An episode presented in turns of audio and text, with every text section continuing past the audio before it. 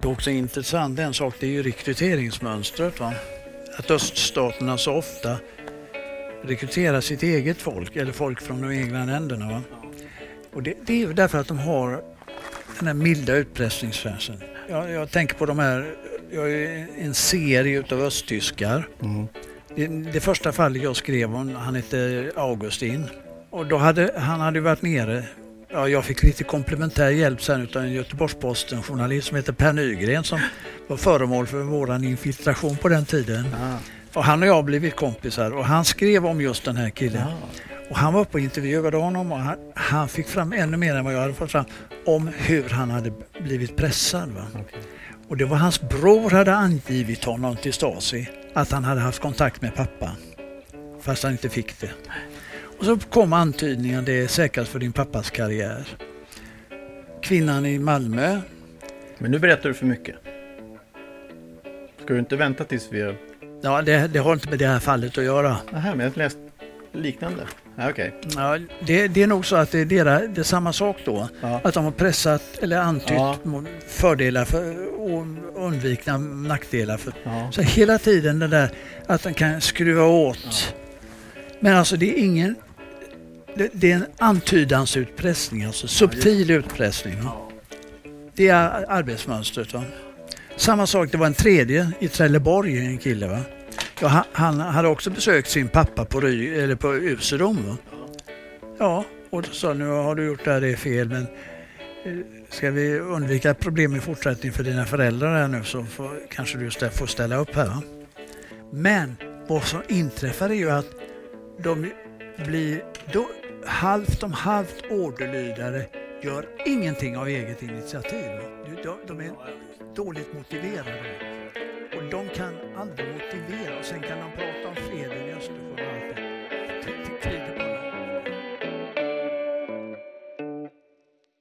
Kan inte du läsa som inledning det här underrättelseoperationen? Kan inte börja med att läsa det? Underrättelseoperationen där ungersk spioneri hade kunnat ge Warszawapakten övertaget i Tyskland och därmed ändra ett tredje världskrigs förlopp. Hej och välkomna till ännu ett avsnitt utav Spionpodden. Idag så är vi ännu en gång i det fantastiska huset och spännande huset hemma hos Svante Winqvist. Ehm, Det här huset är fullt av, ja, vad ska man säga? Det är från Ja, fläckar av kalla kriget. Fläckar av kalla kriget, det låter bra. Idag ska vi prata om någonting som heter Operation Snödroppe. Och det är, ja, undertexten är fallet Clyde Conrad med två ungerska agenter i Sverige. Och det är alltså en forskningsrapport som eh, Svante Winqvist har skrivit med ett kapitel utav Christer Olsén. Eh, och eh, Svante Winqvist. Jag tänkte, vi behöver väl kanske inte göra någon introduktion till dig eftersom du har varit med i tre avsnitt tidigare och bland annat pratat om IB-affären inifrån och om östtyskars eh, agentverksamhet kan man säga. Men eh, du har skrivit den här forskningsrapporten och Eh, berätta, vad handlar den om? Ja, den handlar ju om ett ungerskt drivet eh, spioneri mot NATO i allmänhet och mot eh, amerikanska armén i synnerhet. Och det var riktat mot den femte armékåren i Bayern och den åttonde divisionen inom den. Och det var här var i princip på den hetaste konfrontationslinjen i ett krigsscenario mellan Warszawapakten och NATO. Så det var ett, alltså ett av de primära förbanden ur NATOs synpunkt som var föremål för det här spioneriet. Och sett ur Warszawapaktens synpunkt så var det alltså nyckeldata för att kunna göra en stöt med överraskning. Ja, och det, det låter ju helt otroligt eh, både häftigt och skrämmande. Men, vad, vad kunde konsekvenserna ha blivit?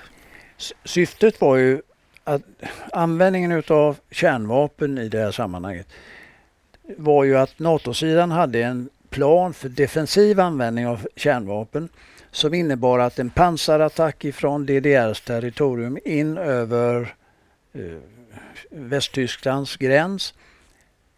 Det var, det var så att säga det ett av de standardscenarierna och som ju då militärgeografiskt nästan kan sägas vara en självklarhet med hänsyn till hur terrängen ser ut och hur trupperna är grupperade. Va? Och i den uppläggning som han hade gjort och för att möta den pansaröverlägsenhet, kvantitativa pansaröverlägsenhet som man hade i öst, så var, hade man planerat ett försvar med så kallade kärnminor som innebär att man hade brunnar för de här minorna förberedda i, både uppe i Schleswig-Holstein och ner i det här Fuldagapet och på några andra ställen. Och det innebar att när pansaret rullar fram så gör man en fjärrutlöst en fjärrutlösning av en sån här kärnmina i den väg där pansaret skulle rycka fram. Effekten blir deformeringar av terrängen som är så stora och allvarliga att det ska stanna upp det här pansaret. Och då kan man alltså sedan beskjuta det med konventionella vapen i den mån de inte redan har blivit effektivt stoppade. Så att det var alltså en kärnvapenanvändning på eget territorium kan man säga, eller på väst eget territorium för att stoppa den sovjetiska pansarattacken. Så, så det var NATOs eh, NATOs kärnvapen. Jaha. Sen fanns det olika scenarier hur ett anfall ifrån öst skulle gå till. Va? Man försökte maskera det att man på något sätt var definitiv eller defensiv och ville föregripa ett NATO-anfall genom att anfalla. Vilket ju, något allvarligt anfall från NATOs sida fanns det vare sig militärgeografiska eller kvantitativa förutsättningar för. Alltså var det en chimär. Men det var så man maskerade sin offensiva strategi. Och i en del utav de övningsscenarier som finns så har man då tänkt sig att man ska atombomba ett antal punkter i, i eh, Västtyskland i inledningen till ett sånt här strategiskt överfall eller vad man ska kalla det för. Och sen skulle man rycka fram med de här pansarkolonnerna i de så kallade lågstrålande mellanrummen eller luckorna mellan de här man var beredd att utsätta... Alltså då, då menar du låg, låg, lågstrålande kärnvapenmässigt? Ja, efter de egna insatserna för att på ett visst antal dygn kunna nå fram till ren. När vi talar om Clyde Conrad-fallet så är det ett förband som står i den södra delen av Väst, Västtyskland och som ska möta pansarattack i det man kallar klassiskt Fuldagapet. Men det hör till saken också inom parentes att det fanns förberedda medaljer till de soldater som först nådde Ren inom Warszawapakten. Floden Ren. Floden Ren. De, de, de kanske inte hade haft så mycket nytta av de medaljerna. Nej, och polackerna gjorde beräkningar på hur många strålskadade de skulle förlora. Så, så, att man, man var medveten om det. Men drog ju också öronen åt sig lite. Man, det, det, det är inte så populärt att utsätta egen trupp för radioaktiv strålning. Nej, den skulle nog vara ganska svår att motivera den truppen att gå framåt. Ja, det krävs väldigt fredsengagemang för att offra sig på det sättet. Va? Men om vi återgår till um, det här eh, otroligt intressanta eh, Operation Snödroppe. Det finns ju två stycken huvudrollsinnehavare kan man säga. Eh, två agenter. Den ena hette Soltan Sabo och den andra hette Clyde Lee Conrad. Vilka var de? Ja, Sabo var ju en eh, ungrare från början som hade kommit över som många andra 1956 hamnat i USA, kommit in i den amerikanska armén och så småningom varit någon form av befäl i den här armén nere i Bayern då. Mm. Och Clyde Conrad var en av de befälskamraterna till honom. Han var en ren amerikan om vi så säger. Och eh, däremot lite kan man väl säga en person som hade då nog var lite granna eh, udda så att säga inte en väldigt typisk patriotisk militär kanske. Men vad jag har förstått så den här eh, Zoltan Sabo, han, han övertalades, om jag inte för, missförstått det hela rätt, av den ungerska underrättelsetjänsten när han är hemma, tillbaka i Ungern. Ja, så det är alltså den ungerska militära eh, underrättelsetjänsten. Och det är ju ganska naturligt eftersom det är ett militärt mål. Va? Det precis parallellt till hur GRU sköter militära mål eller den militära underrättelsetjänsten i Tjeckien eller Tjeckoslovakien eller i förvaltning och avkläring i DDR och så vidare. Så det där är ju eh, småbröder till de stora organisationerna i Sovjetunionen. Hur, hur kan en sån eh, värvning gå till? Ja, Szabo var ju eh, av ungerskt ursprung och har, hade även släktingar kvar och sådant. Va? Och eh, på något sätt, de håller ju reda på sina emigranter rätt noga. Inte minst så tycker jag det verkar som just de militära underrättelsetjänsterna. Därför att ja, det är där de kan sätta tumskruvar på folk. Va? De har ofta lämnat ett land av ideologiska skäl. Sen kan det inträda en form av nostalgi, alltså hemlängtan lite grann, så där man ändå är lite, lite, lite... Eh, och så utnyttjar regimen det. Eller så har man släktingar hemma som man håller kontakt med. Och så eh, vet de genom censuren då att de håller kontakt med släktingarna. Och vid ett lämpligt besök så talar de om för dem att ja, vi skulle vilja ha lite hjälp av dig. Det gynnar dina släktingar där. På ett sätt som inte kan missförstås. Att de kanske inte får ett jobb eller något sådant. Ett österrikiskt fall som jag känner till, där hotades med att pappan skulle mista sitt jobb i det militära. I Östtyskland? I Östtyskland då. Men modellen är ju densamma i ja. alla de här staterna. Ja, alltså det får ju mig osökt att och, och, och, bara komma lite snabbt in på. Jag är ju hälften ungrare. Mm. Min pappa flydde hit, han var med i ungerska landslaget. Och min faster var ju Ungerns mest berömda skådespelerska Eva Rutkaj eh, i många, många år innan hon dog. Men det får ju mig osökt att eh, fundera i sådana banor vad som kan ha hänt eh, den vägen. Inte för att jag har märkt någonting men, men eh, det kanske kommer med tiden. Jag får söka lite på mitt namn. Du kan med all säkerhet hitta något men man, alltså, för att göra en, man kartlägger folk för att se var man hittar någon potential. Vad, vad den personen är ut i mållandet om han har tillgång till någonting, om han har resurser, om han är bra, skulle kunna bli en bra underrättelseman. Det är den ena komponenten. Vad kan vi sätta för press på de som är kvar här hemma?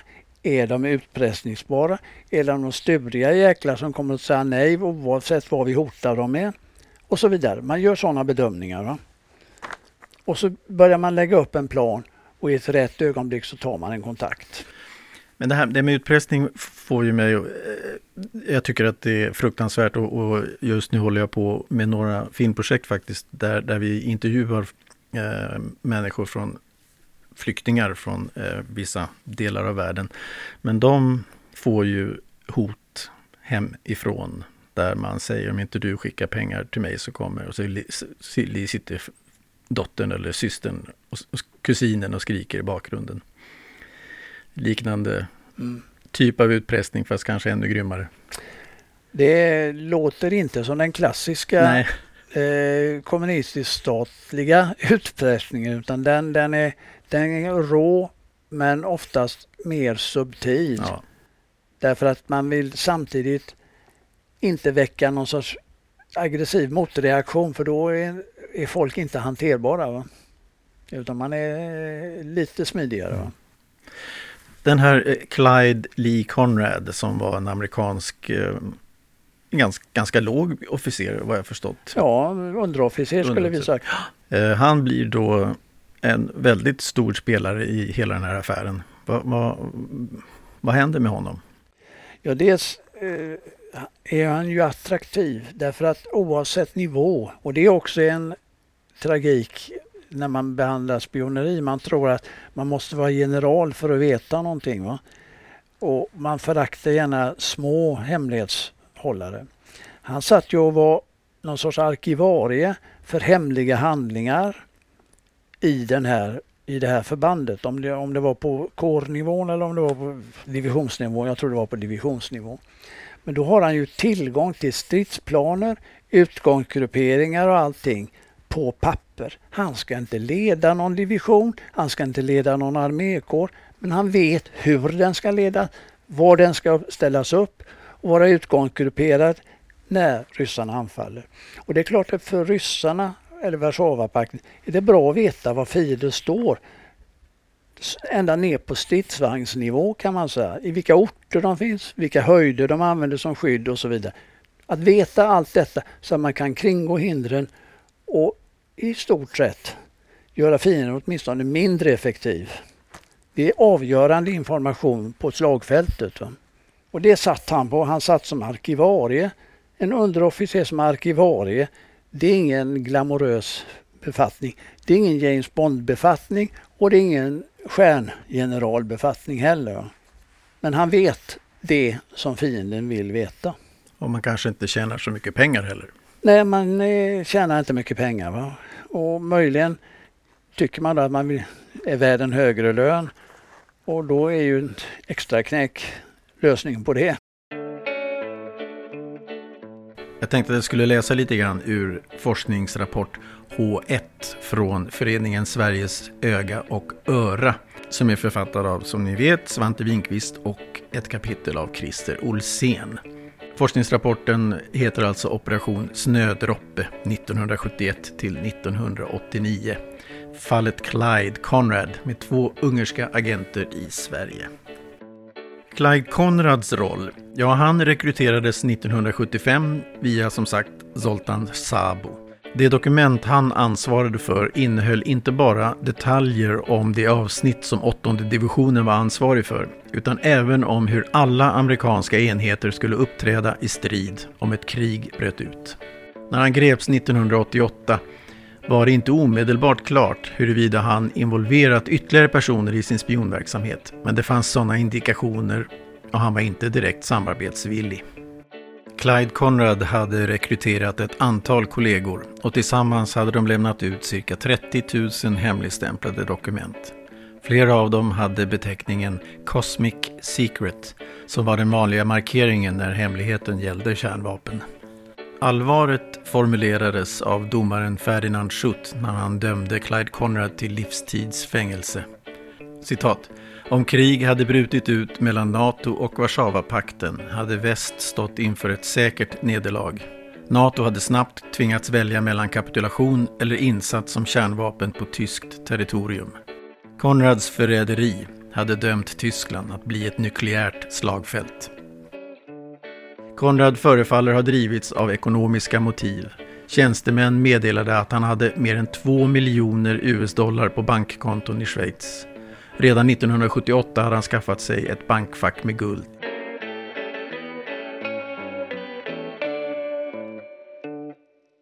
Vi har alltså Soltan Sabo som är den ungerske dubbelagenten kan man säga. Och sen har vi Clyde Lee Conrad som blir en, en eh, underhuggare och arvtagare kan man säga. Just det, efter, efter Zoltan. Mm. Men sen är det ju två stycken svenska namn som dyker upp som är vansinnigt intressant. Och det är ju de två bröderna Shandor och Imre Kertzik. Mm. Hur kommer de in i, i den här bilden? De, Sandro kom först till Sverige och sen kom Imre sedan. Men de har ju släkt kvar och är då automatiskt föremål för den övervakning som deras säkerhetstjänst gör och som då kan ge information till deras underrättelsetjänst att här har vi en potential i utlandet. Och på, I något sammanhang har de då alltså värvats.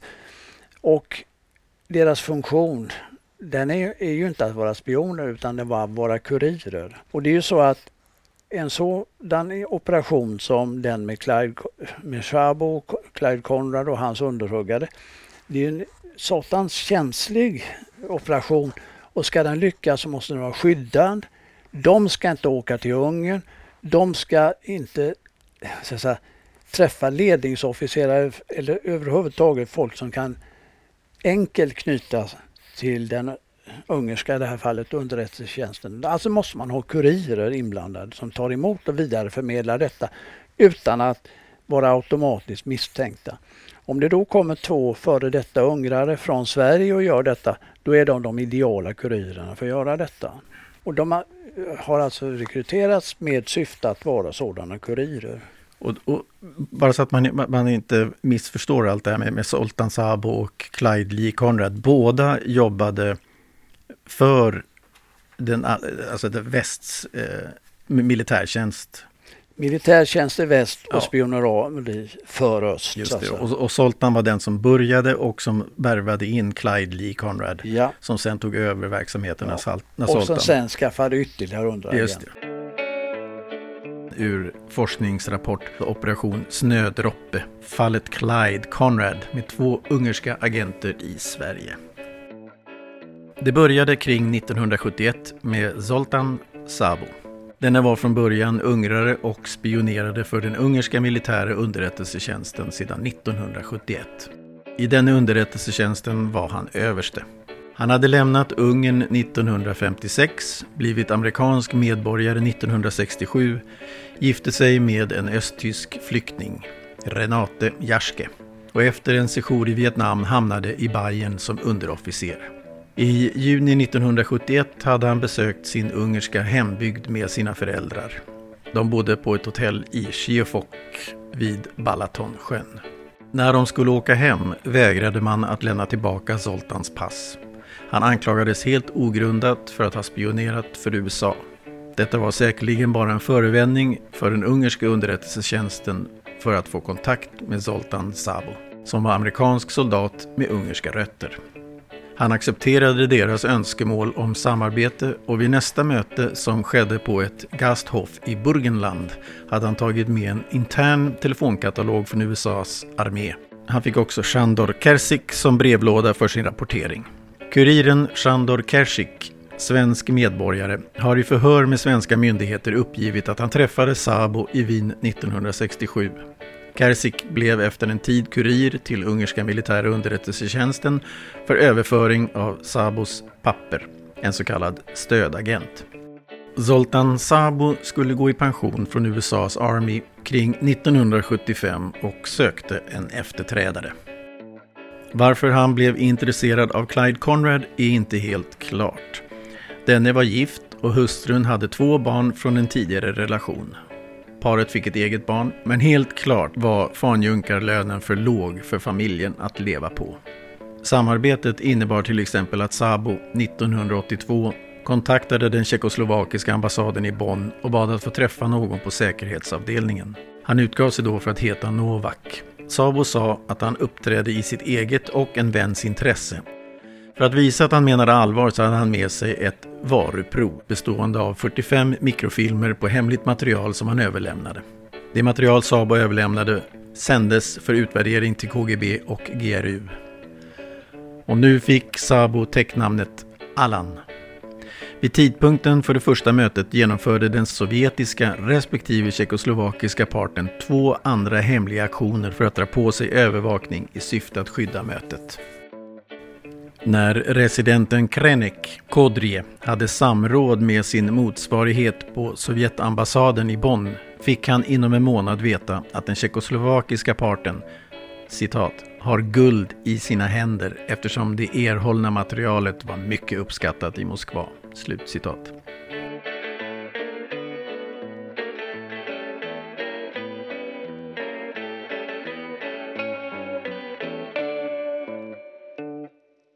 Men vad hände med Zoltan då? Kan vi ta det? Ja, han åker fast vid något tillfälle, men var inte det i Österrike? Har jag för mig. Just det. Så småningom fann KGB att man fått kopior av samma dokument från två håll. Ja, det var ju helt enkelt så att, att penninggirigheten gjorde att de tänkte de här sakerna kan vi ju tjäna pengar på även och vi säljer dem till tjeckerna. Vilket var ganska dumt av dem därför att de fatt, borde ha fattat att det fanns en rysk kontrollstation bakom här. Alltså den här informationen var ju inte... Alltså den ungerska armén hade en viss roll i ett, ett överfall på Västeuropa. Men den centrala rollen spelades ju givetvis antingen från Warszawapaktens högkvarter i Polen eller från de sovjetiska trupperna. Va? Så det var det sovjetiska underrättelsebehovet de skulle tillfredsställa. Va? Ja. Och om de då levererar något till Ungern så borde de fatta att det hamnar hos ryssarna. Om de levererar något till tjeckerna så borde de fatta att det också hamnar där. Och då blir det ju kortslutning. Va? Men ibland så är, slår ju girigheten ut. Så, så, vad gjorde de, säger du? De tog kontakt med eh, tjeckiska eh, underrättelsetjänsten i Bonn, tror jag det var, Bonn-Ippendorf och eh, erbjöd samma material som de hade levererat. Bara kopiekostnad i princip för att försöka få in en ny slant pengar. De var ju medvetna om att det här var het information. Och tar de kontakt med tjeckerna så kan de ju inte veta att, de, att det här är en operation som samtidigt pågår från den ungerska sidan. Så välinformerad är man inte i de här näten. Nej, nej. Men de var lite för smarta för sig själva. Då. Ja, för jag, jag läser här i, i, ehm, att KGB så småningom finner att man fått kopior av samma dokument från två håll. Eh, och, eh, men här står det, Sultan Sabo bosatt sig i Österrike 1989 och då överlämnade han sig, eh, sidan 18. Mm.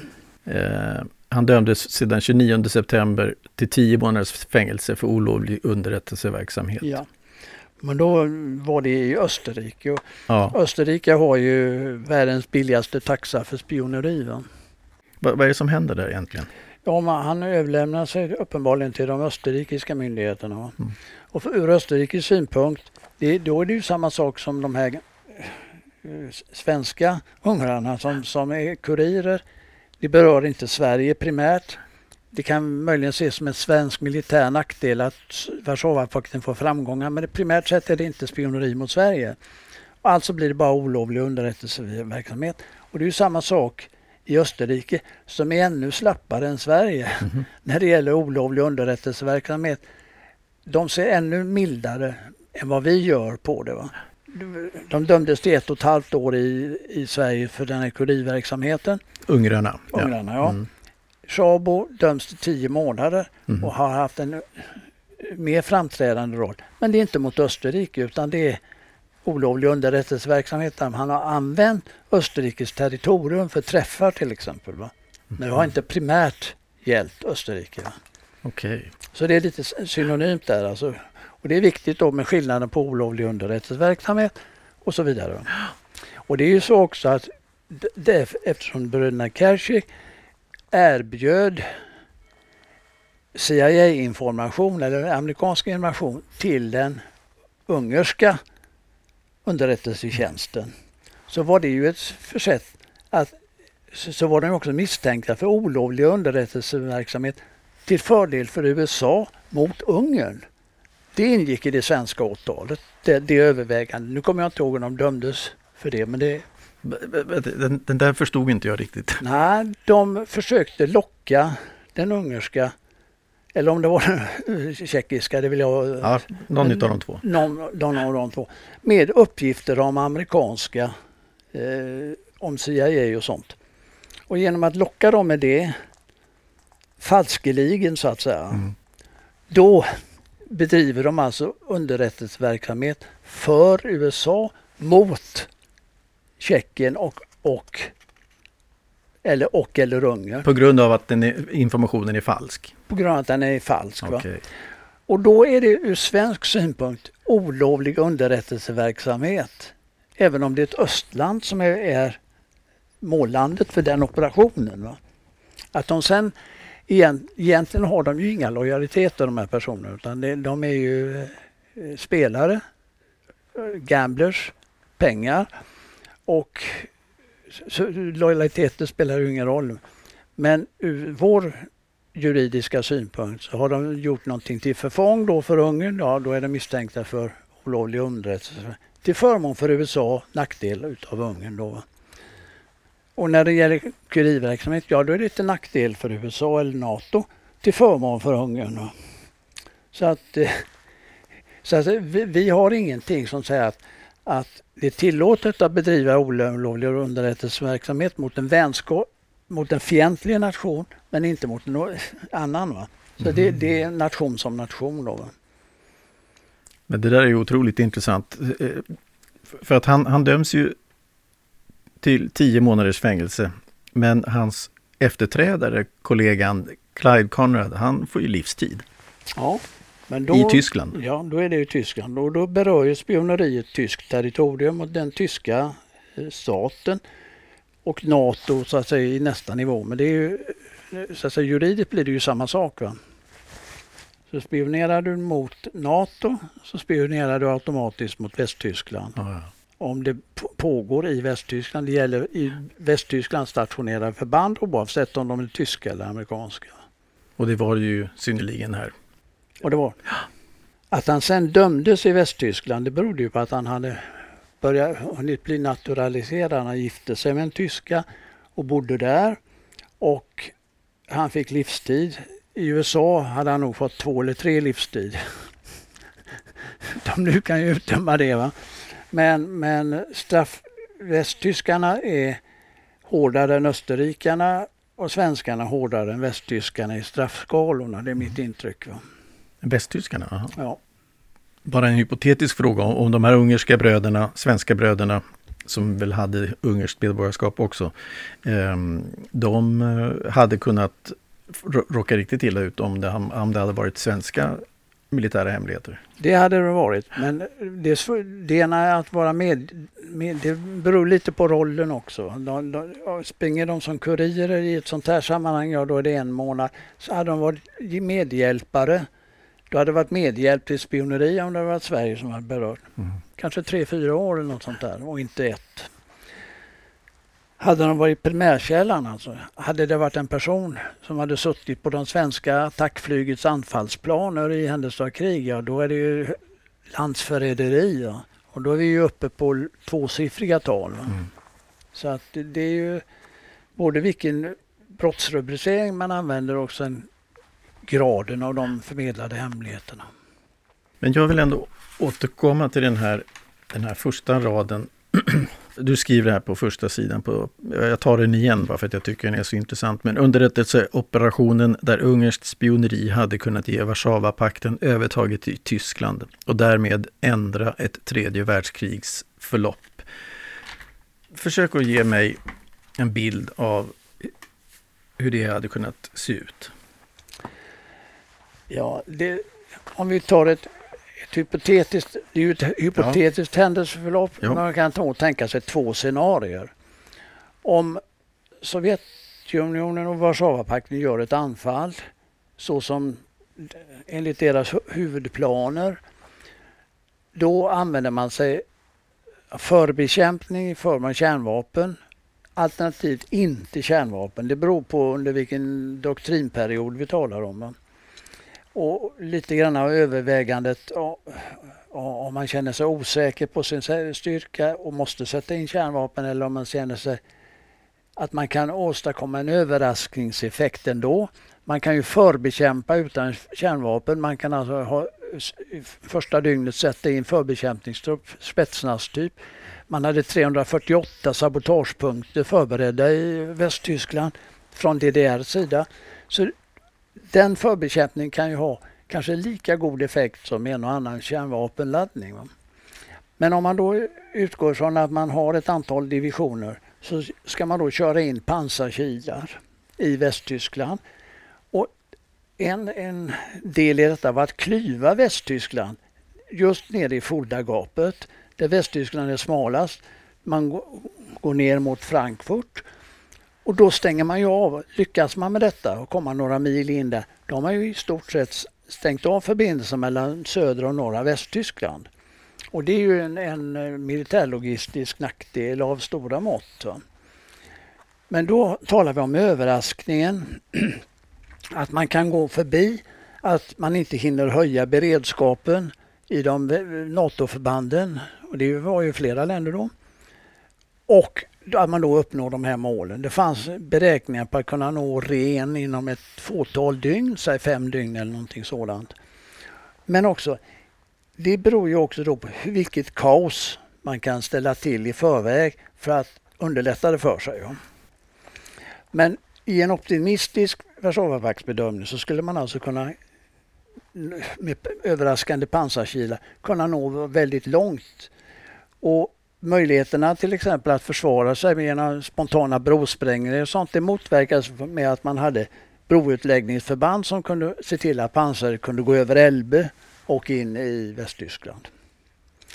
Det är den situationen.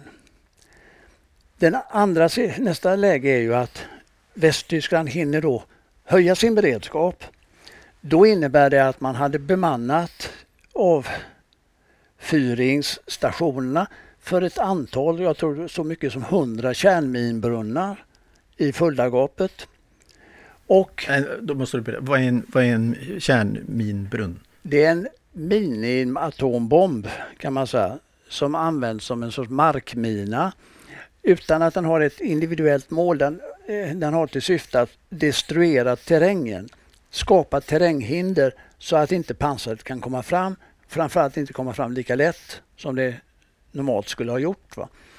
Och genom att spränga eh, sådana här kärnminor kan man alltså förhindra att den här pansarinvasionen går särskilt fort. Och man hinner få de egna förbanden på fötterna och få upp beredskapsgraden på dem. Du menar alltså att man var beredd på att använda kärnvapen bara för att stoppa pansarvagnar? Ja.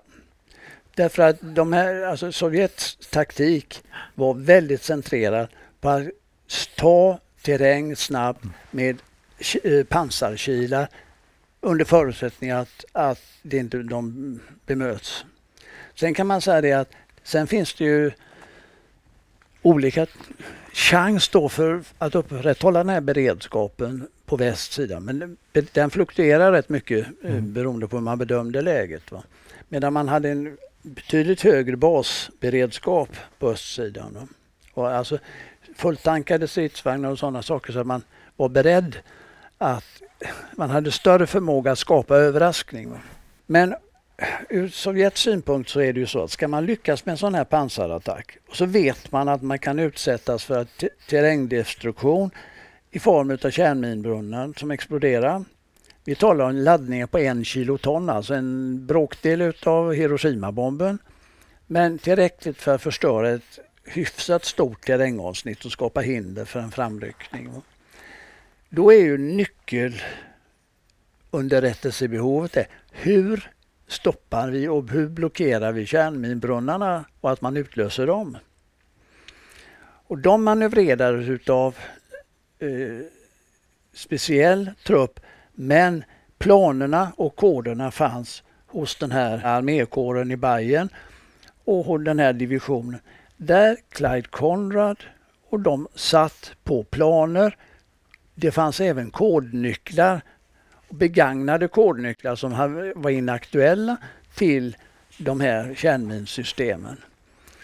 Och genom att få dem så begrep man hur säkerheten var uppbyggd i det eh, systemet och hade ju möjligheter att eh, på något sätt som jag inte riktigt begriper men ändå alltså passivisera det systemet. Då. Därför att utlösningen sker ju med radiosignaler som är krypterade. Och då kan man bl kanske blockera de signalerna, skicka falska signaler som blockerar de äkta signalerna och så vidare. Det fanns alltså en möjlighet då att slippa de här terrängformationerna som skulle lägga någon sorts vallhinder då för pansaret. Och man skulle alltså tagit sig betydligt mycket snabbare in i Västtyskland och ur deras synpunkt i bästa fall skurit av Västtyskland där det är som smalast. Där mellan Fuldagapet och över mot Frankrike. Det, det var så att säga de, de taktiska resonemangen och överväganden. Och skulle detta bli ett verklighet så hade det här spioneriet alltså haft, det är ett av de få där man kan säga att det hade haft en ganska avgörande inverkan på krigsförloppet. Åtminstone initialt. Ja, det låter ju som att det hade fått fruktansvärda konsekvenser för mänskligheten. Ja, det kan man säga, men det, det är kriget i sig. Men det, det, det är ju som, det, är det som är det farliga med spioneri. Va? Därför att det kan ge Sovjet en känsla. Här kan vi ju ha en framgång för nu sitter vi på deras hemligheter. Nu vågar vi göra det här anfallet. Har vi inte den kunskapen vågar vi inte göra anfallet. Och det är ju därför som det är så himla viktigt att stoppa den här typen av spioneri. Det är ju den fredsbevarande effekten av riktig säkerhetstjänst kan man säga. Att stoppa eh, fienden från frestelsen så alltså att starta ett krig.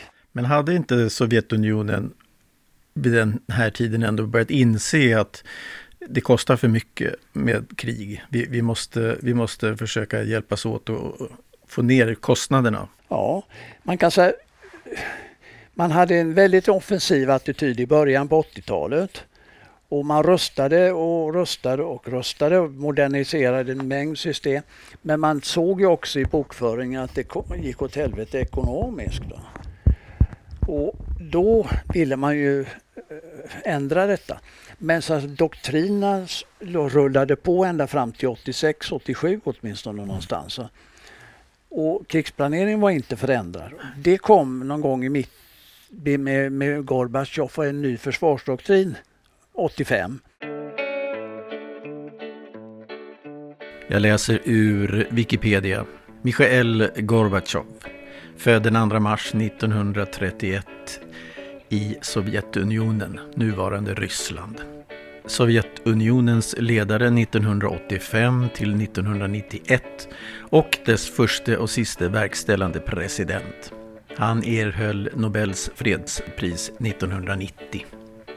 Kort efter sin utnämning försökte Gorbatjov ta itu med problemen. Hans första mål var att få fart på den inhemska ekonomin. Det gick trögt i början och Gorbatjov genomdrev då det som han senare kom att förknippas med för eftervärlden, glasnost, öppenhet. Och perestrojka, nydaning. Under glasnost ökades yttrandefriheten, Press och television fick friare händer och det stalinistiska totalitära systemet skulle bort. Under perestrojkan introducerades fria och hemliga val inom partiet med flera kandidater att välja mellan. På utrikesplanet arbetade Gorbatjov för avspänning och avrustning. I ett avtal, det så kallade INF-avtalet med USAs president Ronald Reagan 1987 beslöts att avskaffa alla medeldistansrobotar. Jag tänkte att jag passar på faktiskt och bara läser lite kort om det här INF-avtalet som nämns i den här intervjun. INF-avtalet, Intermediate Range Nuclear Forces, var avtalet mellan USA och Sovjetunionen om att avskaffa medel och kortdistansrobotar.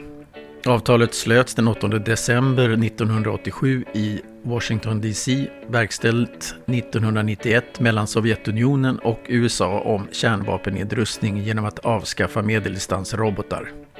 Avtalet ses ibland som början till slutet på kalla kriget.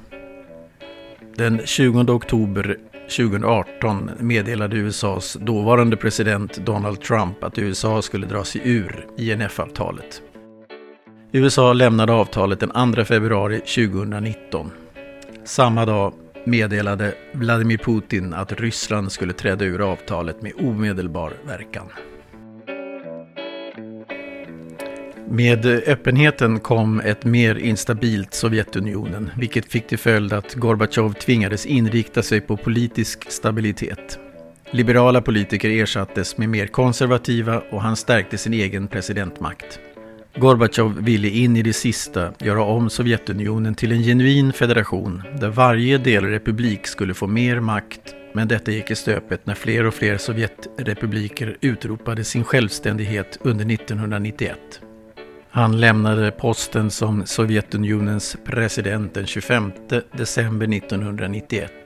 Sovjetunionen delades upp i sina republiker som blev självständiga länder. Med undantag av de baltiska staterna bildade de nya staterna en ekonomisk union, OSS, Oberoende staters samvälde.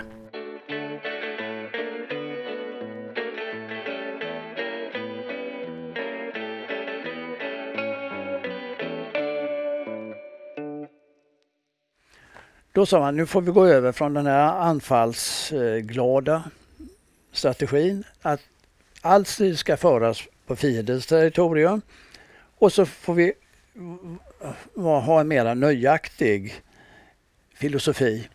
Och då ändrade man under första halvåret tror jag det var som Gorbatjov tillträdde till en defensiv strategi där kärnan var att vi ska ha tillräcklig säkerhet. Och ett exempel på detta var att de här förbanden som vi talar om nu som skulle röra in genom Fuldagapet. Då började de för första gången någon gång 87 att träna försvarsstrid. Va? Mm. Vad gör vi om NATO går in i Östtyskland? Det var inte en tanke på att öva med sådana förutsättningar tidigare. Va?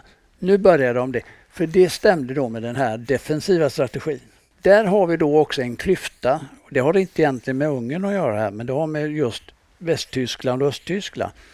Den östtyska armén, den var i viss mån självständig i, i, i Warszawapakten, alltså den var i alla fall en nationell armé.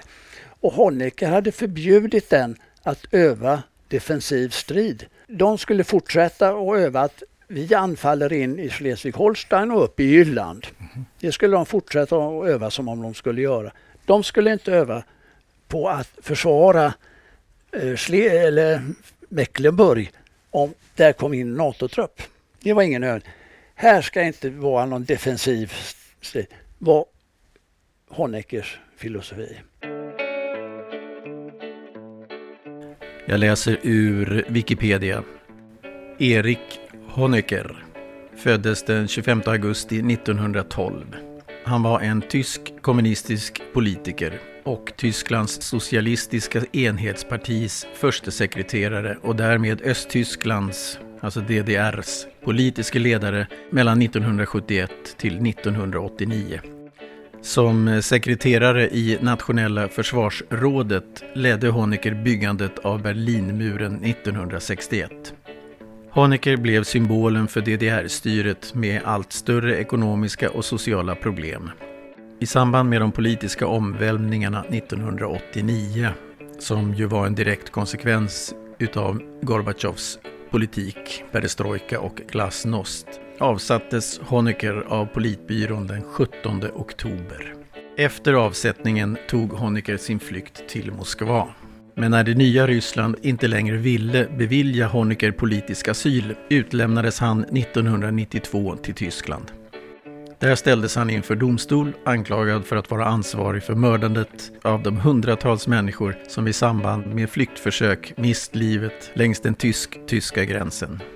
Efter att tysk domstol 1993 släppt Honecker på grund av hälsoskäl flyttade han tillsammans med sin fru Margot Honecker till dottern i Chile där han i maj 1994 avled i levercancer.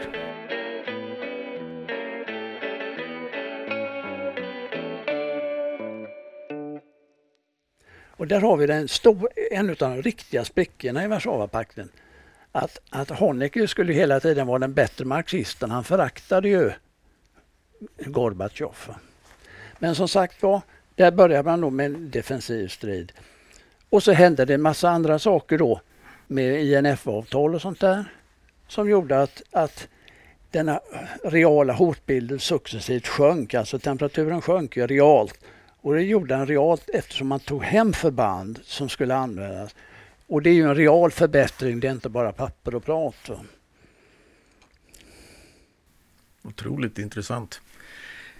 Eh, det kom av mig lite. Ja, men vi, lä vi lämnade själva spionen. Nej, men det var, jätte, nej, men det var jättebra. Jag måste ändå komma in på det här med, med, med när, när ryssarna börjar att nedrusta så börjar ju Sverige också nedrusta. Eh, något så till den milda grad att vi till slut inte hade något försvar kvar. Inte ens Gotland hade något försvar. Nu kanske jag säger för mycket, men, men det är vad jag har förstått här i efterhand. Eh, varför greps alla av, av eh, plötsligt av att eh, att, att nu är, är det lugnt, lugnt och fint i världen. Har vi inte lärt oss någonting av historien?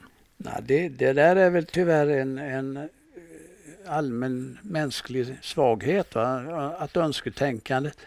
Men alltså att, att leva decennium efter decennium med att det finns en real krigsrisk.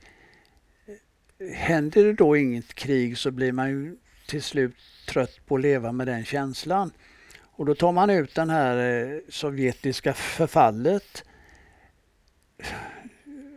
Man tar ut, man drar för mycket kredit på, på det så att säga. Och sen när det då blir kaos som det var i Sovjet. Och det var ju eh, katastrof den eh, i många synpunkter. Ja, då, då ropar man ju efter den starke mannen.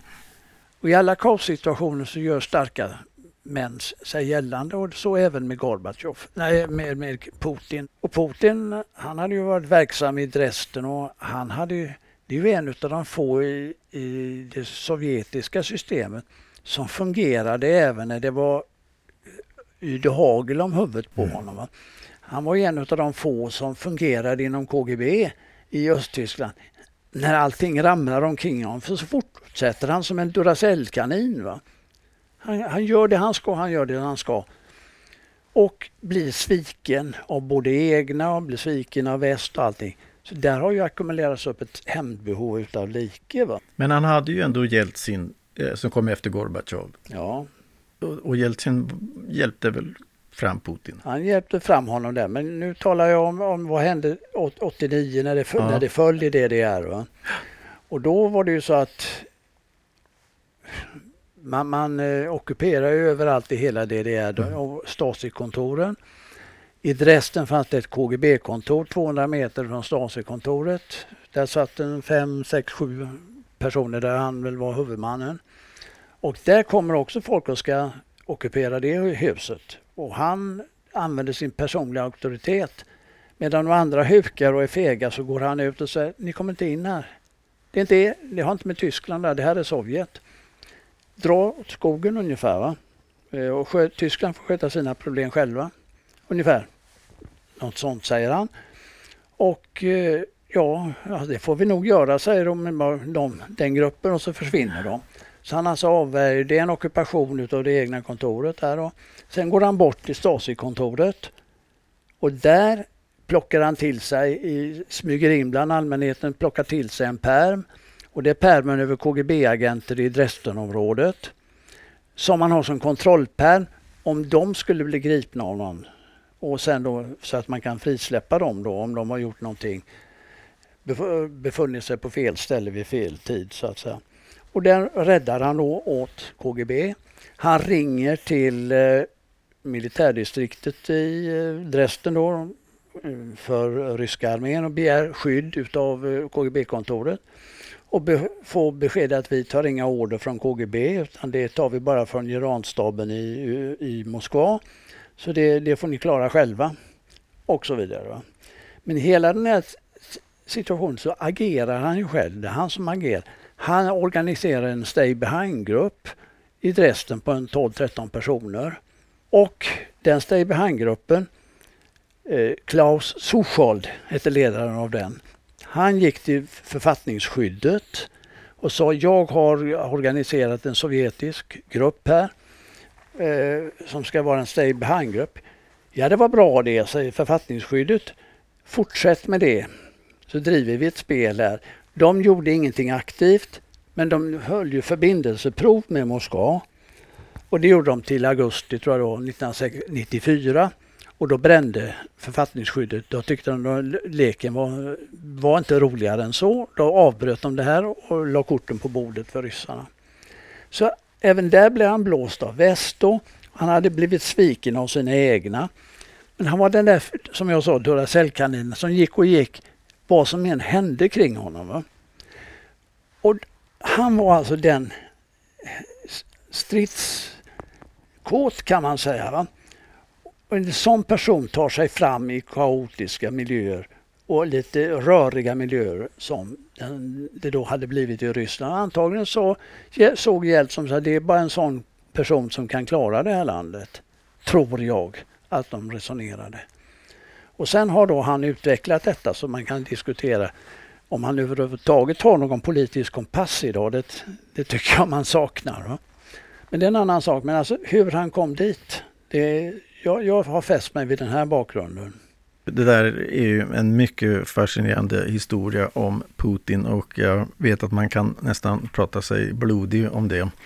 Men det finns ändå, eh, 1986 så fick Konrad idén om att han skulle tjäna pengar på att sälja uppgifter även till USA. Alltså en, vi pratar om en amerikansk agent som nu ska sälja, som har blivit, eh, som har blivit eh, spion åt öst och nu ska han sälja saker till väst igen.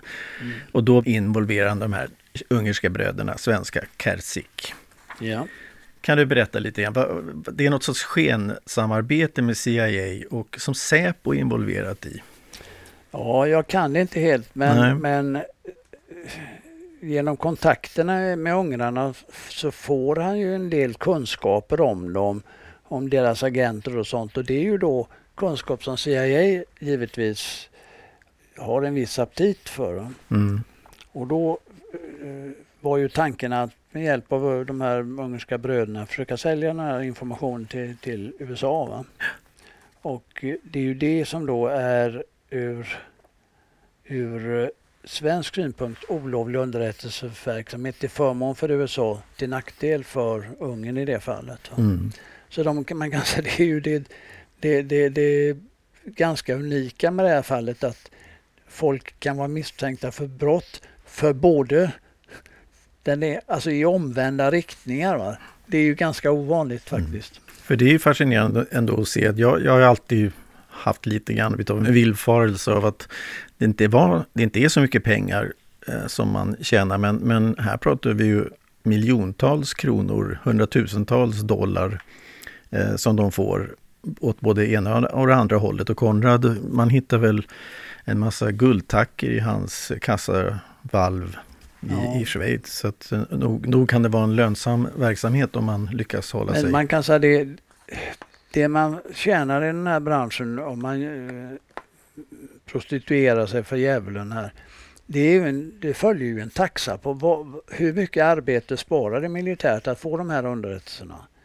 Är det värt en miljon, är det värt två miljoner, är det värt tio miljoner? Sparar man tio miljoner så är det kanske värt en miljon. Då sparar man 100 miljoner, då är det värt ännu mer. Så att det, den, den, här dödsfallsbesparingen till exempel, när man gör ett anfall, den är ju värd rätt mycket då. Mm. Och det, här talar vi om krigförings centrala information egentligen.